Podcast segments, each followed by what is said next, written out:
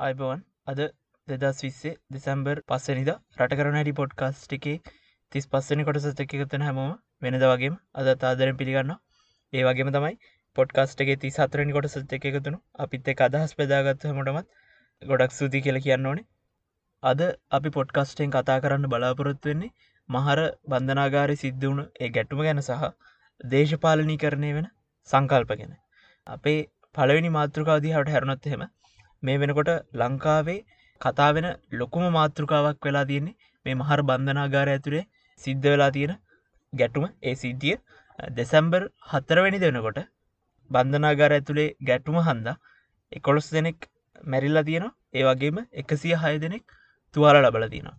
දැන් මේ වෙනකොට වීඩියෝස් කීපයකුත් අපි දැක්කා. පැතිරයන මේ බන්ධනාගාරය ඇතුළේ දෙපාර්ශවයක් ඇතුළ දෙපාර්ශවයක් අතර වෙන ගැටුමක් ගැන. තකොට මිනිස්සු කියපු දෙයක් තමයි මෙතන ඉන්නේ මේ අපරාධකාරයෝ. මෙයාලට වැඩි තිබ්බට කමක් නැහැ. මෙයාල මැරුණට කමක් නැහැ කියන එක. හැබැයි වැලිකට බන්ධනාගාරිස්සරහ ගහලා තියෙන්නේ සිරකරුවෝද මනුෂ්‍යයෝ කියලා. අනිත් කාරණාව තමයි හරිමනං මේ රටේ ඉහළම තැන්වල ඉන්න බලගතු ඇතැම් දේශපාලඥයෝ ඉන්ඩෝනෙත් ඔය බන්ධනාගාර ඇතුළෙමයි. මේ රටේ ක්‍රිකට් ටීම් එක ඉන්න ඇතැම් පුද්ගලයෝ හරිමනම් ඉන්ඩෝනේ ඔය බන්ධනාගාර ඇතුළ තමයි බලගතු මුදල් තියෙන ව්‍යාපාරිකයෝ ඇතැම් කට්ටිය හරිමනම් ඉන්ඩෝනෙ ඔය බන්ධනාගාර ඇතුළ තමයි හැබැයි ඒ කිසිම දෙයක් කල්පනා කරන්නතුව අර ඇප ගෙවාගන්න බැරිවුන් හන්ද නඩුවහල ඉවරුණු නොවුණු හන්ද පන්ධනාගාර ඇතුළ හිරවෙලා ඉන්න මිනිස්සු මැරුණට කමක් නැහැ කියන තැනට අද වෙනකොට මේ සමාජය පත්වෙලා තියෙන එතෙන්ට සමාජය වැටිලා තියෙනවා. ඒ බලගතු තැන්වල ඉන්න දේශපාලඥයන්ට ආගමික උත්සවලට යන්න අවසර තියෙනවා පාර්ලිමෙන්තු රැස්වීමලට යන්න අවසර තියෙනවා. හැබැයි එතකොට බන්ධනාගාර ඇතුළේ කොරෝණ වෛරස් එක දරුණු තැනට එනකොට තමන්ටම කියලා විශේෂ කාමර විශේෂ පහසුකම් ලබාගන්න ඉඩ තියෙනවා. හැබැයි අර ඇපගෙවාගණ්ඩ බැරිවුණ මනුස්සයට නඩු අහල ඉවර කරගන්න බැරි බැරිවෙච්චි මනුස්සයට ඒ කිසිම පහසුකමක් නෑ ඊළඟ කාරණාව තමයි දැන් නොවම්බර් තිස්වනි දෙනකොට බන්ධනාගාර ඇතුළේ කොරෝණ ආසාධිතයෝ එක්දස් අනුව එකක් ඉඳල තියෙනවා. ඊට පස්සේ ගැටුමෙන් පස්සේ රෝහල් ගත කරන කට්ටියගෙත් ආසාධිතයෝ ඉඳල තියෙනවා. මිනිස්සු මරාගන්න එක අනුමත කරන්න බැහැතමයි අපි දැක්කා ඒ වීඩියෝ ඇතුළේ බන්ධනාගරය ඉන්න සිරකාරු කවුරහරි ඒගොල්ලන්ගේ මොනහරි ප්‍රශ්න ප්‍රශ්නයක් හන්ද එතන මරාගන්න එතන ගහගන්න හැබැයි මේ තත්ත්වට බන්ධනාගාර පද්ධති එන්ඩ කලින් ඉදනම අපි දැක්ක උද්ඝෝෂණ තියෙන ආහාර වර්ජන තියෙන පහසුකම් අඩුයි කියලා.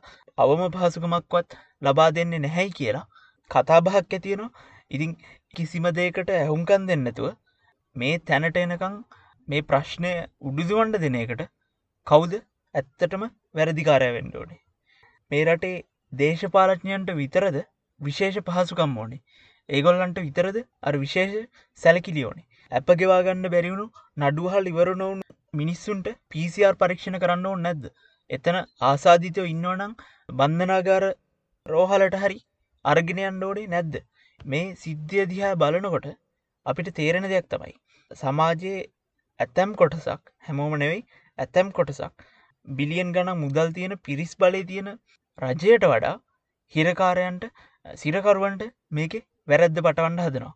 හැබැයි මෙතෙන්දි අපි තේරුම් ගන්න ඕන දේ තමයි සිරකරුවන් අතරේ සිරකරුවන්ගේ අතේ යම් කිසි වැරැද්දත් තිබ්බට මෙතෙන්දි බොහොම සාධාරණ ඉල්ලීමක් ඉටු නොකිරීම හන්දා තමයි මේ විදිහට බන්ධනාගාරය ඇතුළේ මෙච්චර ලොකු ප්‍රශ්නයක් ඇතිවෙලා තියෙන්නේ. සිරකරු වුණු පල්ලියටම එයාලාම හැම්වෙලේම වැරදි තැනට දාලා නිකමනවලට එන්න එපා කිය ඉල්ලීම කරනවා. ඒවගේම තමයි මධ්‍යස්ථ තැනකිදර මේ ප්‍රශ්න දිහ බලන්න කියන ඉල්ලීමත් කරනවා. ඉතිං ඒක තමයි අපිට මහර බන්ධනාගාර සිද්ධිය ගැන කියන්න තියෙන දේ.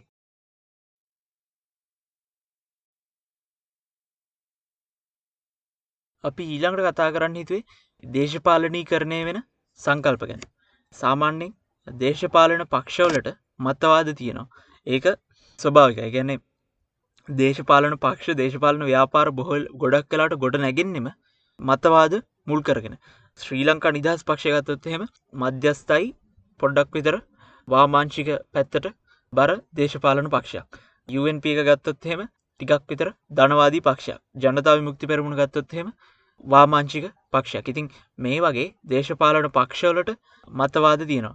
හැබැයි කාලෙන් කාලෙට මැතිවරණ ආවහම ජනාධිපතිවරණයකති පාර්ලිමේන්ති මතිවරණයකද මේ දේශපාලන පක්ෂ දේශපාලන ව්‍යාපාර තමන්ගේ කැම්පේෙන් එක ගොඩදාගණ්ඩ එක එක සංකල්ප මූලික් කරගන්න. ඒ සංකල්ප උඩ තමයි තමන්ගේ කැම්පේෙන් එක කරන්න. ඉතිං අපි ලංකාවේ ආසන්නම ජනාධිපතිවරණ දෙක් ගත්තත්හෙම දෙදස් පහළවේ මෛත්‍රීපාල සිරිසෙන සහ රනිල් වික්‍රමසිංහ ඒ බලය ලබාගන් බලයගණ්ඩ තරඟ කරේ යහපාලනය සංහින්දියාව වගේ සංකල්ප මුල් කරගෙන. ඒක තමයි ගොල්ලන්ගේ බේස්සකුණේ දෙදස් දහනවයට ආවට පස්සේ ගෝටාබේ රාජපක්ෂ තමන්ගේ කැම්පේෙන් එකට මුල් කරගත්තේ ජාතිකාභිමානය එතකොට රාජ්‍ය ආරක්ෂාව වගේ සංකල්ප.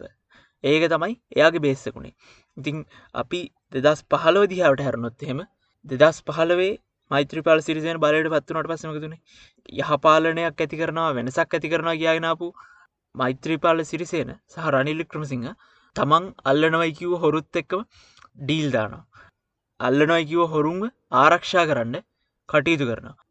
ව්‍යාපාරිකයක්ක ඩීල්දාගන්න ඒ වගේම තමයි රටේ රාජ්‍ය ආරක්ෂාව පිළිබඳ ගැන තියෙන යාන්ත්‍රණය දුර්වල කරන අන්තිමට ඒක නවතින්නේ ලංකාව යුද්ධෙන් පස්සේ සිදුවුණු ලොකුම අනතුරට වටපිටාව අවශ්‍ය පහසුකම්ටික හදලා.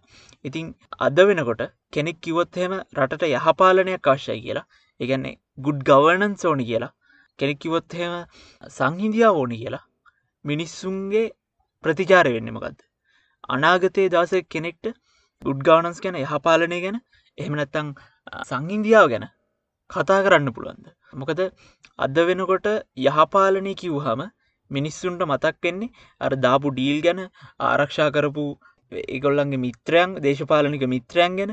එතකොට දුර්වල ආරක්ෂකංශයක්.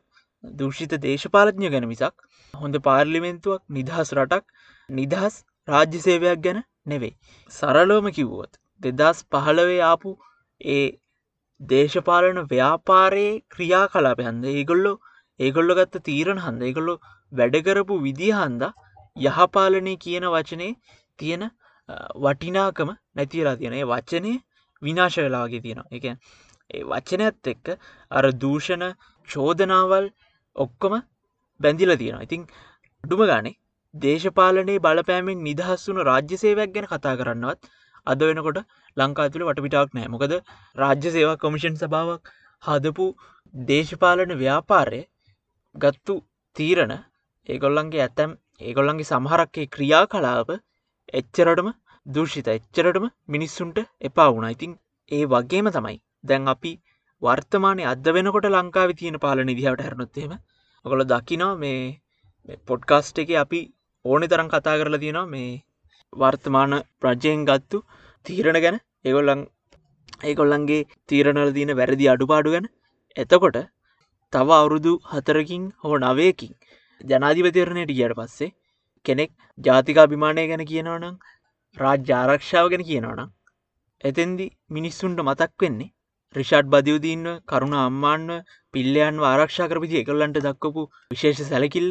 තොට තරින්දරත් අත්තට දපු දක්වපු විශේෂ සැලකිලි අධිකරණය දේශපාලඩී කරණය කිරීම වගේ දේවල්. එතකොට ව්‍යවස්ථාව තමන්ට අවශ්‍ය විදිහට වෙනස් කර ගැනීම වගේ දේවල්. හැබැයි මේ පාලනය බලයට එන්නේ අන්තවාදීන් අල්ලනවා පාස්කු ප්‍රාස්කු ප්‍රහාරයට වග කියන්න ඕනේ වැරදිකරුවන්ව නීති ඉදිරියට අරගෙනෙනවා තකොට අලුත් දේශපාලන වටපිටාවක් වියත් දේශපාලනයක් ලංකාවට ගේනවයි කියන ඒ පොරොන්දුවපිට හැබැයි ඉල්ලීම්ටික හරියට ඉටුුණේ නැති හන්දා අනාගතයේ දවස කෙනෙක්ට ජාතිකාභිමානය ගැන රාජ්‍ය ආරක්ෂාව ගැන වියත් දේශපාලනයක් ගැන කතා කරන්න බැහැ මේක වැදගත් ප්‍රශ්නයක්. මොකද යහපාලනය කියල කියන්නේ සංහින්දියාව කියල කියන්නේ ජාතිකාභිමානය කියල කියන්නේ. තකොට වියත් දේශපාලන වටපිටාවක් කියල කියන්නේ විහිළුවට ලක්වෙන්න ඕනේ කාරණාවල් නෙවේ විහිළුවට ලක්වෙන්න ඕනේ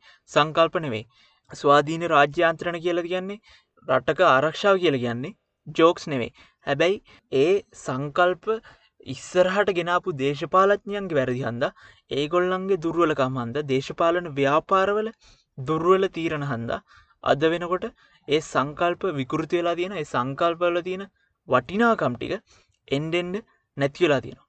ඉතිං පුරවැසිය හැටියට චන්දදායක හැටියට මිනිස්සුන්ගේ වගකීම එන්න ඕනේ මේ සංකල්පයි ඒ වගේම දේශපාලන ව්‍යාපාරයි අතර තියෙන වෙනස මතක තියාගන්න එක.